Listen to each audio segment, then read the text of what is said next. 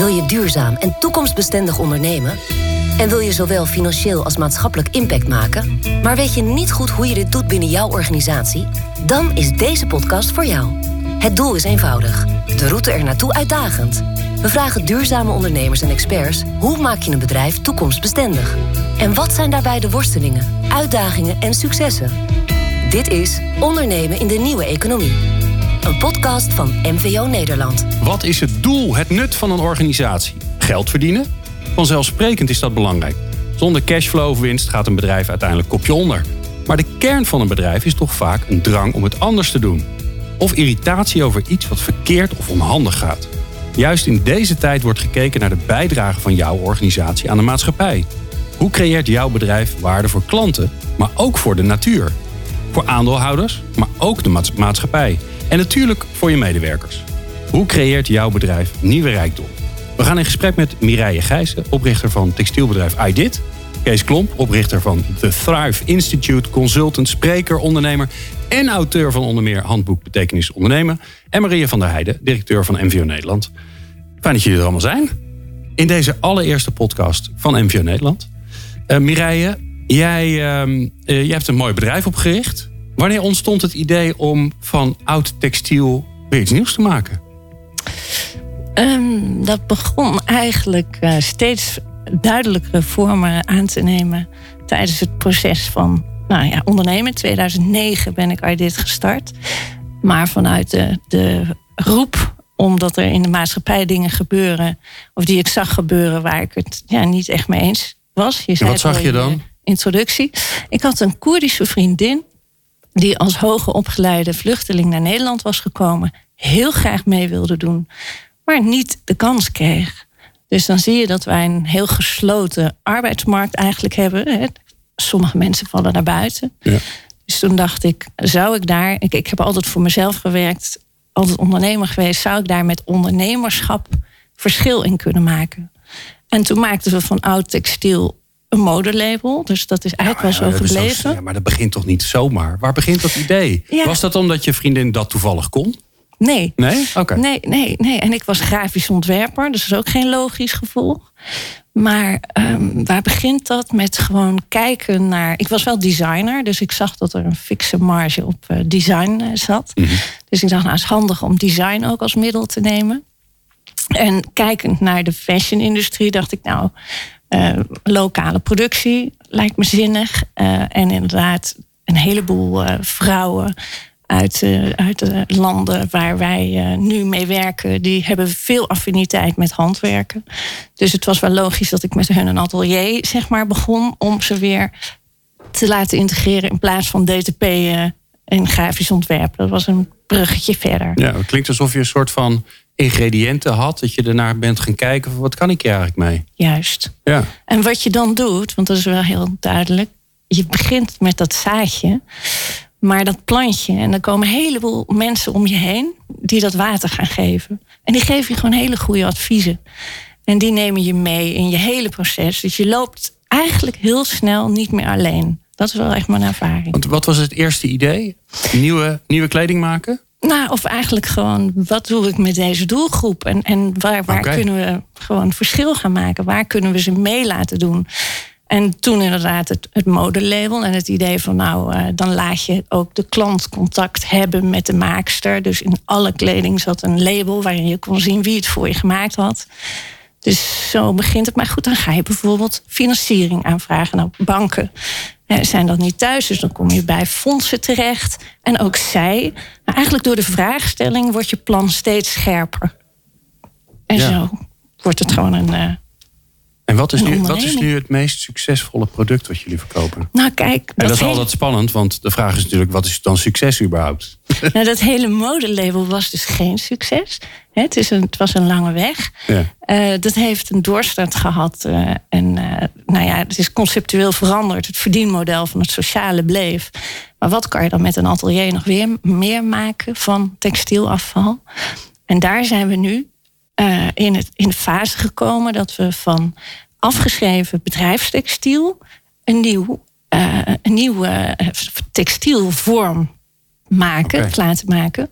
En dat noem je vilt, oftewel gerecycled vilt.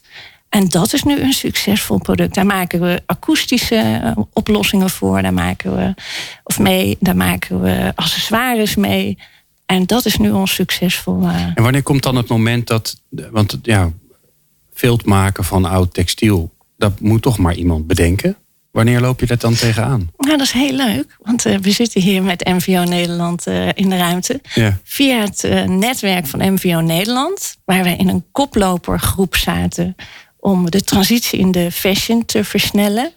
Daar zat het Texperium, Anton Luiken, in. En zo kom je dan eigenlijk op een, op een vorm, hè, dat, dat gerecyclede vilt dat gebruikt wordt in de automotive. Dat was gewoon onze textielafval post-consumer, mm. wat verwerkt wordt tot dat vilt. Maar goed, daar zijn wij dan weer ontwerpers voor om te denken: hé, hey, daar kunnen we misschien nog wel wat anders mee. En zo is het eigenlijk gekomen. Ja. Ja, en ik heb jullie onder meer zien hangen in uh, Circle in Amsterdam, volgens mij. Daar zitten jullie op plafond. Nee, daar zitten we niet op nee? plafond. Nee, maar het is wel dat soort spul, toch? Het is wel dat soort spul. En dat zit dan op het plafond om te zorgen dat, het, dat je niet doodmoe wordt van al die, al die akoestiek die om je heen. Uh, ja.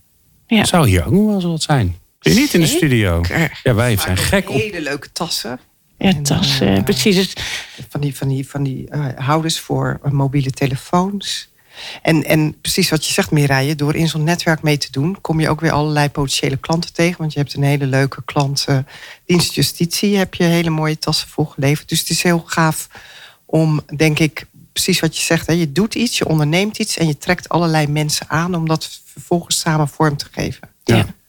En helpt het dan dat je uh, zo'n mooi verhaal hebt, dat je mensen aan het werk helpt, dat het gerecycled is? En want je zou ook kunnen zeggen, ja, je kunt alles wat jij doet ook gewoon met ja, normale dingen doen, met nieuw textiel. En ja. maakt dat uit?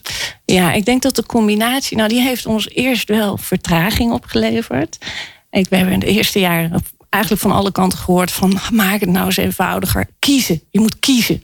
Want focus. ben je nou focus, ja. precies. Ben je nou een circulair bedrijf of ben je nou een sociaal bedrijf? En oh, zelfs dat, dat? Waren er ja. zelfs zeg maar duurzame mensen die uit die wereld die zeiden je moet kiezen. Die nou, kan niet allebei. Eigenlijk vanuit marketing, oh. vanuit weet je, mensen snapten het niet. Maar dan heb ik het echt over vijf jaar geleden, zes jaar geleden. En je ziet dus nu dat we een enorme voorsprong hebben, omdat we het allebei doen. Omdat nu heel erg nodig is dat we met elkaar kijken naar wat, waar we onze grondstoffen vandaan halen. En hoe fijn als je dan ook nog als doelstelling hebt sociale inclusie voor iedereen met werk als middel. Ja. Dus dan, dan, doe, dan dien je gewoon ineens een heleboel doelen. Ik vroeg net aan je, wat is je meest succesvolle product? En terwijl ik dat vroeg, dacht ik, ja, maar dan moet je wel eerst bepalen wat succesvol is. Hè? Als je nou kijkt naar wat jullie doen, op welke mm -hmm. vlakken creëren jullie dan allemaal waarde?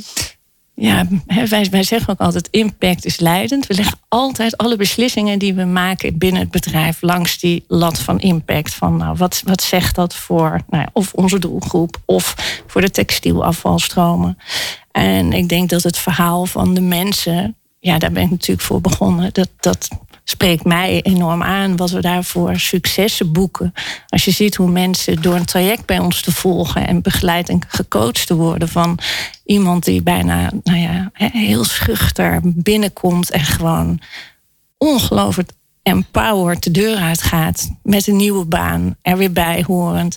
En als je ziet wat dat betekent voor hun omgeving, voor hun gezin, voor nou, alles wat er omheen zit, dan ben je daar heel blij mee. Ja, hoeveel mensen hebben jullie nu? Jullie. Uh... Ja, we hebben, dat is een beetje een verschillend model. We zijn in Utrecht net aan het veranderen. We hebben twee vestigingen. Eén in Utrecht, daar hebben we het traject altijd met behoud van uitkering gedaan. En hebben we in Den Haag een vestiging. Daar konden we, omdat er een uh, stipsubsidie was en loonkostensubsidie. Utrecht heeft, uh, hanteert dat uh, instrument loonkostensubsidie niet. Uh, konden we gelijk 36 mensen aannemen. Dus daar staan 36? ja, Zo mensen dan, wauw. Ja. 36 levens veranderd. Ja. Prachtig. Ja, en wij bemiddelen ze dan ook door. Hè? Want je kan ze eigenlijk drie jaar met die subsidie in dienst houden. Maar wat wij zeggen, nee, we gaan dan gewoon halverwege weer kijken waar is jouw volgende plek? Want dat zeggen we ook altijd. Die eerste stap bij ons binnenkomen is een hele grote stap voor mensen. Het begint zelfs met koffie drinken. Zo ingrijpend is dat al. Maar die tweede stap, die is bijna net zo belangrijk. Of misschien nog wel wezenlijker. Omdat heel veel mensen verwarren uit dit met het feit dat ze het nu wel kunnen. dus dat zelfbeeld krijgt dan die boost, maar dan nog stiekem denken ze: ja, maar dat is omdat jullie zo aardig zijn. Dus die tweede stap naar die andere werkgever, gewoon weer helemaal opnieuw voor hun in het diepe. Als je die goed begeleidt, nou dan uh, komen ze gewoon niet meer terug Ja. in de bijstand. Daar geloven wij in. En, en op de, eh, het, het verkleinen, want jullie gebruiken natuurlijk iets wat normaal afval zou zijn. Of wat inderdaad met een beetje mazzel, eh, als de eh, isolatie in een auto terechtkomt. Dat gebruiken jullie, dat, her, dat herwaarderen jullie weer. Aan wat voor hoeveelheden moet ik denken? Ja, we hebben nu. ehm, kijk, we, eh, we, we gaan aan veel grotere hoeveelheden denken. We doen het nu samen met een industrie die daar niet voor bedoeld is. Die automotive eh, vraagt om heel ander vilt ook als dat wij eh, nodig hebben. Dat is weer een ander recept wat we zelf hebben ontwikkeld. Maar die industrie die is ontzettend groot. En er zijn een heleboel kleine bedrijven die toch nog leuke aantallen textiel eh, eh, bedrijfskledingafval hebben, die dan niet terecht kunnen bij die grote spelers. Want die zeggen nee, onder de drie ton textiel zetten wij de machines niet aan. Ja, ja. Met het gevolg dat we eh, ja, door alleen maar dit soort hele grote partijen en bijvoorbeeld een KLM waar we dan mee hebben gewerkt of een IKEA, ja, die komen aan dat soort aantallen, die kan je nu bedienen. En dat gaan we dus nu doen. Wij gaan nu onze eigen textielrecycle plant beginnen in Den Haag. Om dus te zeggen, nou dan kun- kan onze impact nog veel groter worden. Want dan kunnen we ook al die kleinere bedrijven bedienen. Om hun eigen brand, eigen filter. Want dat is heel leuk. Dat wat je erin stopt, komt er ook weer uit. Dus KLM, kun je je voorstellen, stewardessenpakjes, knalblauw vilt. Ja. En zo ook als je een, een andere brand neemt. Dat, de kleur die je erin gooit, wordt tot kleine vezeltjes eh, vermalen. En daarna gespoten tot een, eh, tot een nieuw vilt. Dus ja, dan is de sky the limit. En, en het leuke is, dan kunnen we ook weer RD, dus hè, echt onderzoek gaan doen daarnaar. Want wat er nu bij die grote partijen gebeurt, ja, die willen echt absoluut niet met ons meebewegen. Van probeer dit eens uit. Kunnen we het nog lamineren? Kunnen we het, noem maar op. En ja, we Zo leidt het een tot het ander dus. Want dat hoor, Kees, dat hoor ik eigenlijk, eigenlijk eh Mireille vertellen. Hè? Eh, je begint ergens mee. Wat je, het allereerste idee was eigenlijk gewoon niet zo'n goed idee. Om, Ja. om hè, mode te Ja. maken. Maar dan, komt er weer wat anders. En met al die ingrediënten maak je weer nieuwe dingen. Ja. En ik hoor Mireille eigenlijk zeggen... Ja, omdat we weten waar we het voor doen... Ja, gaan we dus ook nou weer een eigen viltfabriek maken. En ja, nou, voordat je het weet... Hè, Nou ja, dat is ook iets the wat, world. wat, je, wat je veel tegenkomt bij eh, ondernemers eh, zoals Mireille. Is dat omdat ze beginnen met een, met een maatschappelijk idee... is vaak het productidee of het dienstidee ligt nog niet zo vast. Hè, dus daar waar heel veel conventionele ondernemers... heel nadrukkelijk altijd beginnen met een productidee of een dienstidee... het gat in de markt... zie je juist dat eh, betekenisvolle ondernemers... of maatschappelijk verantwoorde of geëngageerde ondernemers... die beginnen met een, met een gat in de maatschappij. Dus ze hebben een bepaalde drive. En, ehm, en dan is de vorm eh, is daar eh, eigenlijk nog veel losser. En dat creëert ook weer vanuit ondernemerschap allerlei hele interessante ontwikkelingen. Ja, want jij houdt je bezig met de, de betekeniseconomie. Je hebt Ja. boek, zelfs een boek erover geschreven. Als je het nou even, want dit is een prachtig voorbeeld. Als je nou breder moet trekken, hoe groot is dit? Nou, het, eh, het, is, het is nog steeds eh, eh, relatief klein als je het vergelijkt met, met conventioneel ondernemerschap. Het goede nieuws is wel dat het enorm in opkomst is, enorm in ontwikkeling is. En ehm, ja, ik heb er zelf geen enkele seconde twijfel over dat, het, dat, dat er een moment komt binnen afzienbare tijd dat we dit gewoon als het normaal eh, gaan beschouwen. En zie je het nou ook, hè, want Mireille is natuurlijk vanuit dit idee een, een, een onderneming begonnen. Zie je het ook bij zeg maar, de traditionele, misschien wat grotere bedrijven gebeuren? Zeker, zeker. Ja, ja. voorbeeld?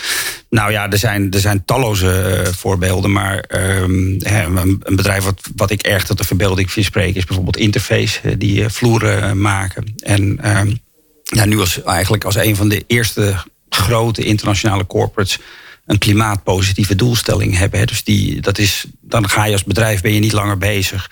om je schade eh, op, eh, op de planeet te minimaliseren... maar dan ben je daadwerkelijk bezig om ecologische winst te gaan creëren. En is dat dan ook het grote verschil tussen, nou zeggen, laten we zeggen, zoals we vroeger over maatschappelijk verantwoord of duurzaam p- spraken en hoe we er nu, hè, als het over betekenis gaat, over purpose of al die andere woorden of over impact, dan gaat het over dat je een probleem oplost in plaats van dat je het probleem verkleint. Nou ja, ja, het gaat over maatschappelijke winst. En dat gaat over maatschappelijke winst die je net zo relevant vindt als monetaire winst. dus, dus een van de, als je het op macro-economisch niveau bekijkt, de betekenis-economie, dan zie je eigenlijk dat Nederland, maar niet alleen Nederland, eigenlijk, dat is eigenlijk de norm in de wereld, is dat ons hele rijlen en zeilen gericht is op bruto binnenlands product. dus eigenlijk alleen maar op economische activiteit, welvaart. Ja. En wat we daarmee steeds nadrukkelijker ontdekken, is dat de relatie tussen welvaart en welzijn steeds meer onder druk is komen te staan. Dus jarenlang was groei van welvaart resulteerde ook in groei van welzijn. Maar nu hebben we eh, met alle grenzen waar we tegenaan lopen in, in de ecologie, biosfeer, eh, klimaatverandering, biodiversiteit, de uitputting van de toplaag van de aarde, al dat soort zaken. Maar ook sociaal, de steeds grotere kloof tussen arm en rijk. Zien we eigenlijk een tegengestelde beweging. Dus we zien eigenlijk dat welvaartsgroei leidt tot welzijnsvermindering. En wat deze eh, nieuwe ondernemers doen, is eigenlijk ja, een vorm van ondernemen waarin welzijn en welvaart weer gelijke tred opgaan. En dat betekent dat je maatschappelijk, uh, je maatschappelijke verantwoordelijkheid niet alleen maar moet nemen vanuit compliance, vanuit regelgeving, omdat het moet. Maar omdat je het ook gewoon ziet als een, als een kans waar je ook winst in kunt maken. Ja. Maria, ehm, de nieuwe businessagenda van MVO Nederland geeft ondernemers de snelste route naar de nieuwe economie. Waarom staat dit als eerste onderwerp op die nieuwe businessagenda? Uh, eigenlijk is het eerste onderwerp nieuwe rijkdom. Dat is precies waar het hier over gaat. Dus dat is maatschappelijke winst creëren. Dat bedoelen wij met nieuwe rijkdom. Dus niet meer rijkdom definiëren in geld, maar in waarde voor mens en milieu. En die nieuwe rijkdom is eigenlijk de paraplu uh, van onze hele agenda. Waarbij wij zeggen we moeten echt een andere uh, focus hebben op ondernemen. En, en Kees legt het net ook uh, al prima uit. Zo'n bruto nationaal product, dan kan je wel zeggen, afgelopen week kwam de groeibrief uit. Uh, en dan gaat het weer over van hoe kunnen we meer geld verdienen met elkaar. En wij zeggen eigenlijk van gaat erom dat we dat welzijn uh, vergroten met elkaar. En iedereen insluiten, zoals Mireille zo mooi zegt. Iedereen mee laten doen. Het gaat om geluk, het gaat om gezondheid, het gaat om de natuur, het gaat over biodiversiteit. Het gaat over gezonde energievormen hè, met wind en zon. En die hele agenda, die hebben we in zeven punten gedefinieerd. En die eerste, die nieuwe rijkdom, is voor ons de paraplu. Want die omvat eigenlijk dat hele scala aan activiteiten. Ja, en dan hoor ik allemaal fantastische dingen voor de maatschappij. Mogen we dan geen geld meer verdienen? Zeker, geld verdienen hoort erbij. Uh, maar het is niet het begin. Geld verdienen is een middel om te zorgen dat je als bedrijf kan blijven bestaan. En, uh, en, en de purpose of de betekenis waar het echt om gaat, is dat je echt mensen en milieu centraal zet. Want dat zijn eigenlijk ja, de, de, de schaarse bronnen die we hebben. Uh, en geld is er genoeg. Ja, dat drukken we gewoon bij tegenwoordig. Precies. Ja, geen enkel probleem. en, en we kunnen het ook nog... Uh, nog, kost geld om het te hebben. Dus, Precies. Uh, uitgeven dus, die handen. Uitgeven. En, en ten dienste stellen van wat we met elkaar willen bereiken. En dat is echt zorgen dat die boundaries van die planeet goed bewaakt worden. Dat we echt goed zorgen voor de natuur. Uh, dat we echt snel overschakelen op uh, nieuwe energievormen. Er moet ongelooflijk veel gebeuren. We moeten echt stevige benen bijtrekken om te compenseren wat we de afgelopen jaren niet goed hebben gedaan. En het kan, de technologie is er. Uh, en het gaat erom dat we het vervolgens gaan doen. En Mireille, die, ja, die heeft dat vanuit compassie gestart. Ik zie ook steeds meer ondernemers. Maar het mag echt nog wel wat groter worden. En dat is waarom wij het hebben over de snelste route. Uh, we hebben gezegd van ja, laten we wel een beetje opschieten. Want die paar procent die het nu is, is echt nog te weinig. En dat moet zich echt snel uitbreiden. We hebben hele mooie werelddoelen met elkaar uh, wereldwijd vastgesteld. Dat betekent dat we eigenlijk die hele planeet en die mensen centraal stellen. Daar hebben we 17 doelen aangekoppeld. Hele mooie agenda wereldwijd. Sustainable Development Goals. Ja, en dan hup iedereen aan de slag en pak allemaal het stukje waar je zelf op uitblinkt, of wat je raakt, of waar je passie zit. En uh, uh, nou, dan, dan is dat ondernemen ook een stuk leuker. Ja. Waar ik uh, straks ongelooflijk in geïnteresseerd ben, is. Ehm, ja, dan, dan begin je en dan, en dan ben je bezig en dan wil je betekenis geven. Maar ja, er zijn natuurlijk allemaal verleidingen. En hoe hou je dat eigenlijk vol? En dat hoor je straks.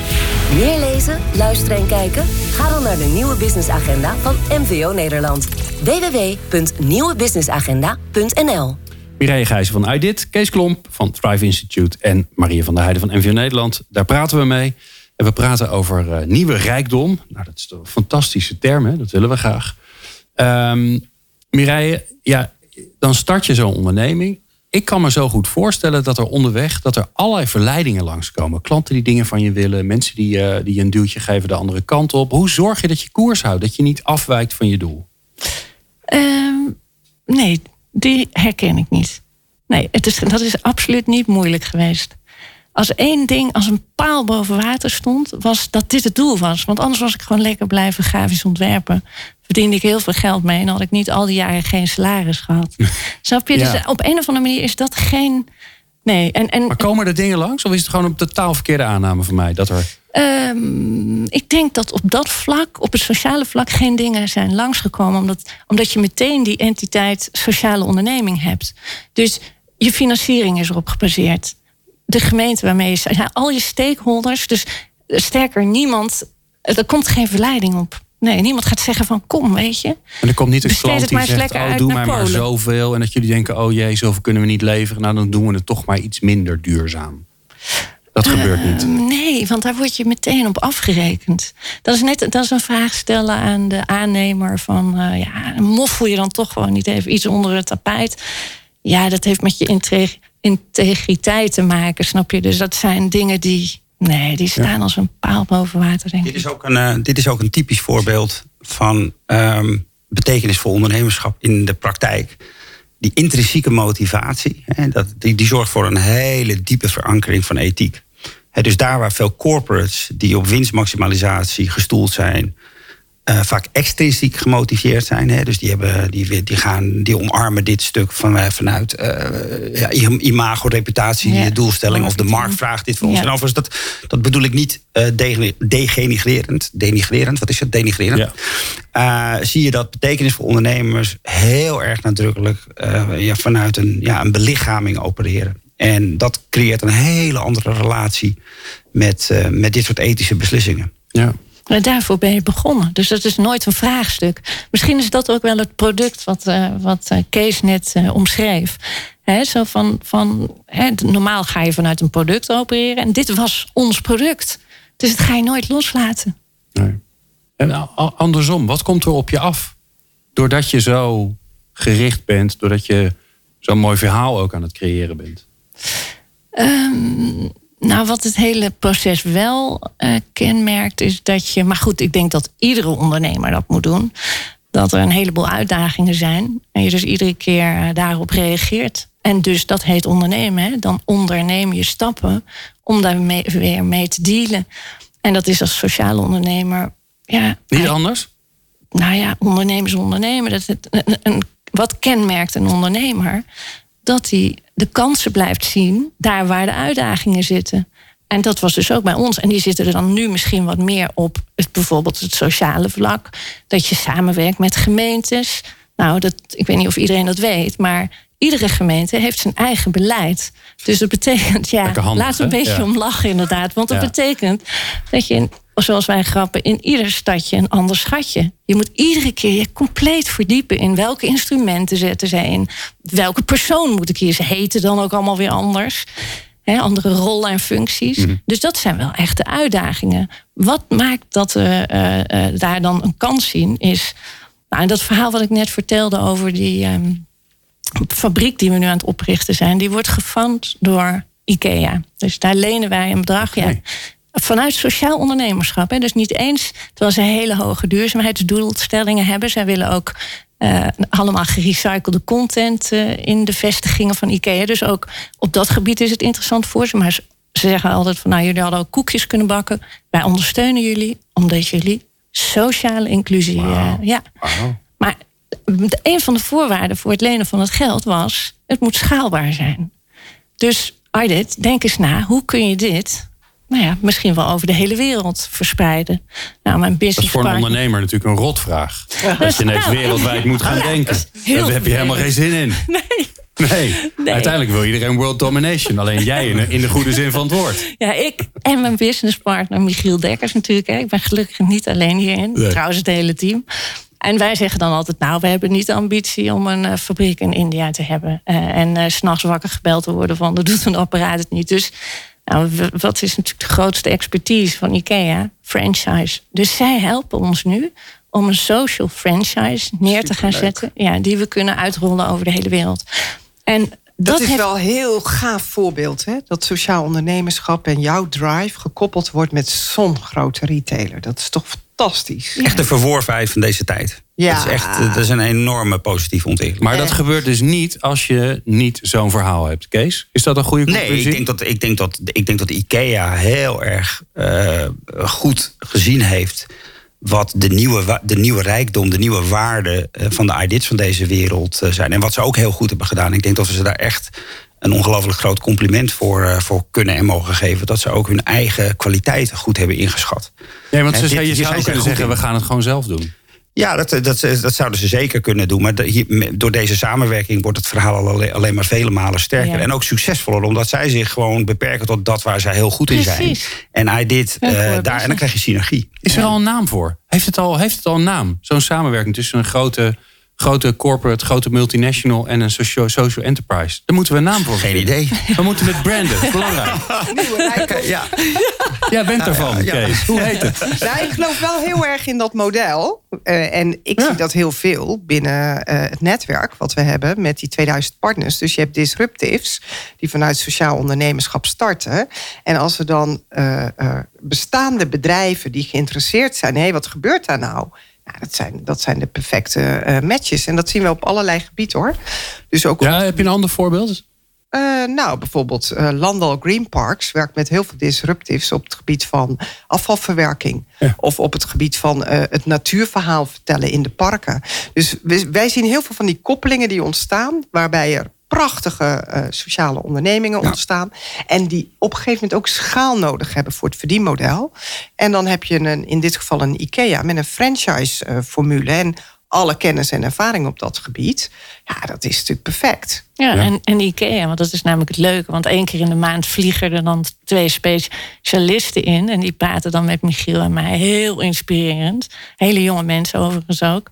Dus dat is uh, dan, dan... Maar specialist op welk gebied? Een franchise, conceptontwikkeling. Oh, okay. zij, ja, ja. zij zetten met ons dus die blauwdruk. Of hè, zij sturen ons van hoe zet je nou zo'n blauwdruk neer. Maar die, uh, die zeggen gewoon op hun beurt weer van... ja, maar wij leren heel veel van jullie. Want IKEA moet gaan kijken naar wat is lokaal produceren... en wat leren wij van die markt. Uh, dus dat snap je, het is toch ook weer een wisselwerking. Ja. En dat is de veranderende economie, denk ik, waar we in zitten. Nou, dat is echt, dat is echt deze tijd. Hè. Dus er is een periode, en ik denk dat jullie dat allemaal uh, zullen erkennen... dan waren de, de, de Mireilles van deze wereld, hè, dat waren een beetje de, de muggen hele kleine diertjes. Maar als je ze in een slaapkamer hebt, kan je er de hele nacht ontzettend veel last van hebben. Maar het, het spel bleef gewoon zijn, zijn gangetje gaan. Maar nu zijn we in de periode terechtgekomen van de bruggen. Dus je ziet dat er gewoon actief bruggen worden gebouwd uh, tussen die onderstroom en die bovenstroom. En, uh, en dit is een voorbeeld, maar uh, zoals Jaap Korteweg graag mag grappen, hè, de vegetarische slager ja. heeft Unilever overgenomen. Hè. Er wordt altijd gezegd ja. dat Unilever hun heeft overgenomen, maar ze zien het toch echt andersom. Maar die hebben ook natuurlijk een hele grote droom, hè? de grootste slagerij ter wereld worden. Ja. Dus het ook een heel groot doel. Nou ja, kijk, de, de, de vorm is heel anders natuurlijk als je, als je overgenomen wordt of je wordt geacquireerd versus een, een joint venture samenwerking. Maar eigenlijk de intentie en de, de, de, ja, de vorm waarin wordt samengewerkt is niet heel veel verschillend in die zin dat je gebruik maakt van elkaars kwaliteiten en krachten om met elkaar mm-hmm. verder te komen dan, uh, dan dat je alleen zou komen. Ja, jullie overnemen? Nee. nee, het gaat eigenlijk ook, want terwijl ik jou dat hoor zeggen, Kees, het gaat om je gemeenschappelijke doel. En dat is niet heel veel geld verdienen, jongens. Dat is die sociale en die duurzame impact. Dus daarin kan je supergoed samenwerken. En iedereen lekker zijn eigen ding laten doen. Want je hoeft ze niet over te nemen. Want je hebt het, hè? Dus laat alsjeblieft de partij die dan daar al heel goed op bezig is, dat blijven doen. Wat je ook net zei. Hè? Maar die dan heeft. IKEA dus ook die filosofie, hè? Want dat is wel belangrijk. Dus IKEA heeft ook de filosofie dat het niet gaat om alleen geld verdienen. Het is nee. een familiebedrijf. En die weten precies waar ze zelf goed in zijn. Ja. En laten anderen daarmee in hun waarde. En dat vind ik toch ook wel nog de kunst van dit echt groot te maken. Dat je niet denkt in eigendommen. Uh, of, maar dat je eigenlijk kijkt naar nieuwe samenwerkingsvormen. Dat past trouwens heel erg in die nieuwe economie. Hè? Maar dit klinkt ook, Kees. Uh, uh, samenwerken groot-klein. Uh, traditioneel uh, al op die nieuwe rijkdom gericht. Mhm. Dat klinkt ook als een manier om die oude grote bedrijven, wat nog steeds het grootste gedeelte van onze, veruit het grootste gedeelte van onze economie is, dat ze dat gebruiken om zelf ook een beetje te veranderen. Want dat is natuurlijk de grote uitdaging. Zeker. We willen natuurlijk veel meer Mireilles hebben. Maar Zeker. we willen ook dat al die grote meisjes en jongens, dat die ook, die moeten ook anders. Nou ja, ik, ik denk dat een, een, een IKEA als van, maar er zijn, er zijn vele voorbeelden eh, tot de zeer rechtvaardige conclusie komen dat zij beperkt in staat zijn om de innovatie, wat eigenlijk een disruptie is, die nodig is om mee te kunnen gaan in deze nieuwe tijd, intern te laten plaatsvinden. En door samenwerking aan te gaan met partijen voor wie dit de normaalste zaak van de wereld is, is de, is het, de kans op succes echt 100% groter. Dus ik, ik, En moet je dat soort dingen doen? Want we luisteren natuurlijk ook heel veel ondernemers die misschien een heel groot hart hebben voor duurzaamheid en Mhm. voor de, de, de inclusie en noem maar op, maar die gewoon al heel lang een zaak hebben. En die moeten van bestaand naar anders. ja, Dat is ook best lastig. Ja, maar kijk, een van de grote misverstanden die heerst over eh, de betekeniseconomie, hoe je het beestje ook wil, nieuwe, nieuwe rijkdom, is dat het een soort luxe probleem is. Hè? Dat het een, eh, helemaal boven in de penthouse-pyramide van, eh, van Maslow plaatsvindt, omdat alle behoeftes al bevredigd zijn. Gaan we ons druk maken over zelfrealisatie en uh, zelfopleving. Wordt vaak gezien als een spiritueel. een spiritueel niets, niets minder is waar. Hè, de reden dat bedrijven zich zorgen maken of druk maken over de toestand van de wereld, is omdat we eigenlijk voor de eerste keer in de geschiedenis te maken hebben met een existentiële crisis. Hè. Dus we, er zit onder de primaire behoeften van Maslow, zit eigenlijk, hebben we ontdekt nog een kelder. Ja. Eh, en Ja, de, blijven we überhaupt bestaan? Precies.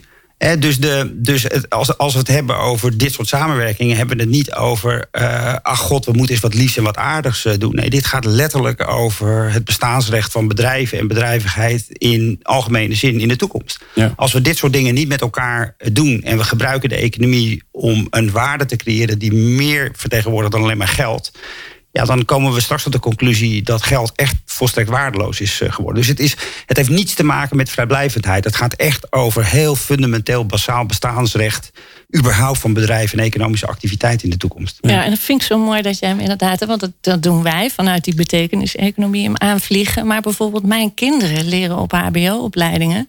Van jongens, als je nu niet omturnt naar duurzaam, dan besta je niet meer als bedrijf in de toekomst. En dat is gewoon heel plat dan. Hè? Gewoon als marketing en als van waar gaat die consument voor kiezen? Dus ik denk dat het Ja. ook wat dat betreft, ondernemend Nederland, ja, eh, doorpakken. Maria, als we het nou omdraaien. eh, want wat, wat ik ook hoor is, er zijn allemaal problemen en dingen die verkeerd gaan en zo. Nou, als er, als er iets is wat ondernemerschap aanwakkert, dan is het wel dingen die er verkeerd gaan. Of die irritant zijn. Of eh, waarvan je denkt, het kan toch niet waar zijn, dat moet toch anders kunnen. Hebben ondernemers de sleutel in handen?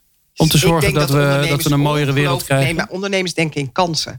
En ik denk dat innovaties en al dit soort eh, uitdagingen gewoon in de samenleving, dat die ook heel erg tot zakelijk succes leiden, waar het net al over gaat.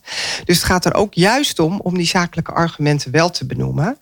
Want eh, bijvoorbeeld die sociale inclusie, op het moment dat wij met de energietransitie nu niet verder vooruitkomen, is omdat we te weinig handen hebben. Ja. Dus op het moment dat we niet zorgen dat iedereen meedoet, dus laten we ook Ja, er worden nu zonneparken niet aangesloten omdat we gewoon de mensen niet hebben om ze Ja, aan te sluiten. ja. Ja. Dus het is superbelangrijk dat we dit ook gewoon vanuit een zakelijk perspectief bekijken. En dat is gewoon onderdeel van eh, eh, maatschappelijk verantwoord ondernemen. En die nieuwe rijkdom gaat er eigenlijk om dat we veel meer kijken naar wat hebben we nou te doen aan waarde creëren met elkaar. En dat op een hele gezonde. eh, positieve, eh, vanuit kansen geredeneerde manier. En dat kunnen ondernemers als de beste, want die gaan gewoon aan de slag. Nou, is het voorbeeld. Dus ik denk dat er ongelooflijk veel kracht zit bij, eh, bij ondernemers. En dat nou ja, hè, de, de overheid natuurlijk wel mee moet doen. Die moet de randvoorwaarden Je stellen. moet vooral zorgen dat we geen last van ze hebben. En nou, die moet het ook een beetje stimuleren. Want er zit nog een hele hoge belasting op arbeid. Er zit helemaal geen belasting Ja. op, eh, op CO2-uitstoot. Nou, dat klopt gewoon niet. Dus dat systeem moet ook veranderd worden. Maar ik denk wel dat die ondernemers vooral eh, eh, nou, al hebben laten zien dat het kan.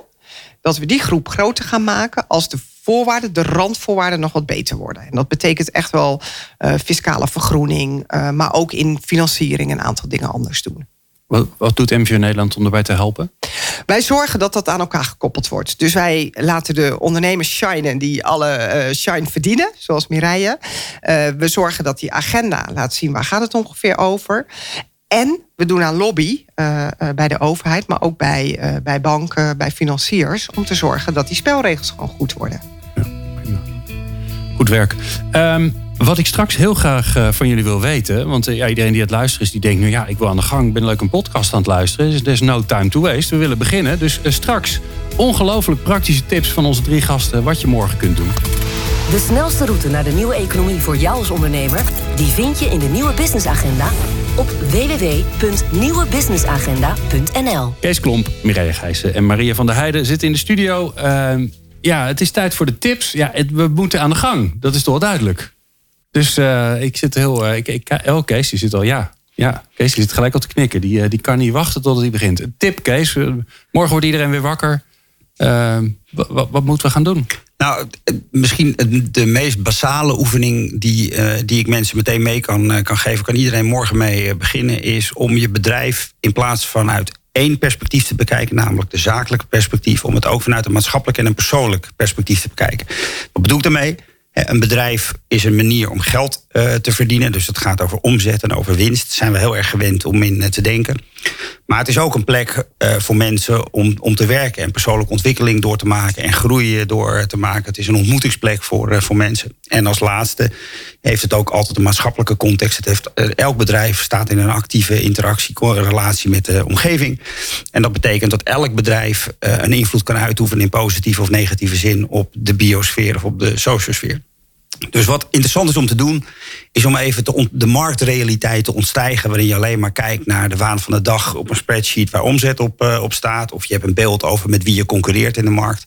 En gewoon eens te gaan kijken van wat kan dit bedrijf allemaal nog meer betekenen? Wat kan, ik het, wat kan het betekenen voor de mensen met wie ik werk? Hoe kan ik mensen helpen om zichzelf te ontwikkelen, om mensen te laten groeien, om ze gelukkiger te maken.